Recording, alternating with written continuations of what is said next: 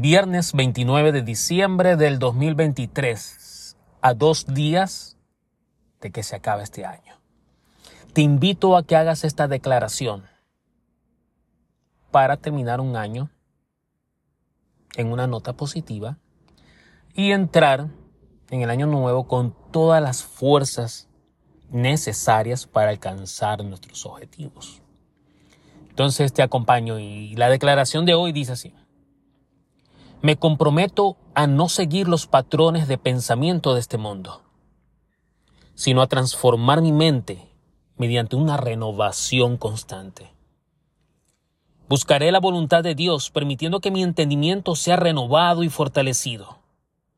Abrazaré cambios positivos en mi vida, dejando atrás las limitaciones impuestas por viejos patrones mentales. A través de la renovación de mi mente, experimentaré la bondad, la aceptación y la perfección de la voluntad divina en mi vida. Con cada pensamiento alineado con lo divino, seré un reflejo de la luz y la bondad que Dios desea manifestar en este mundo.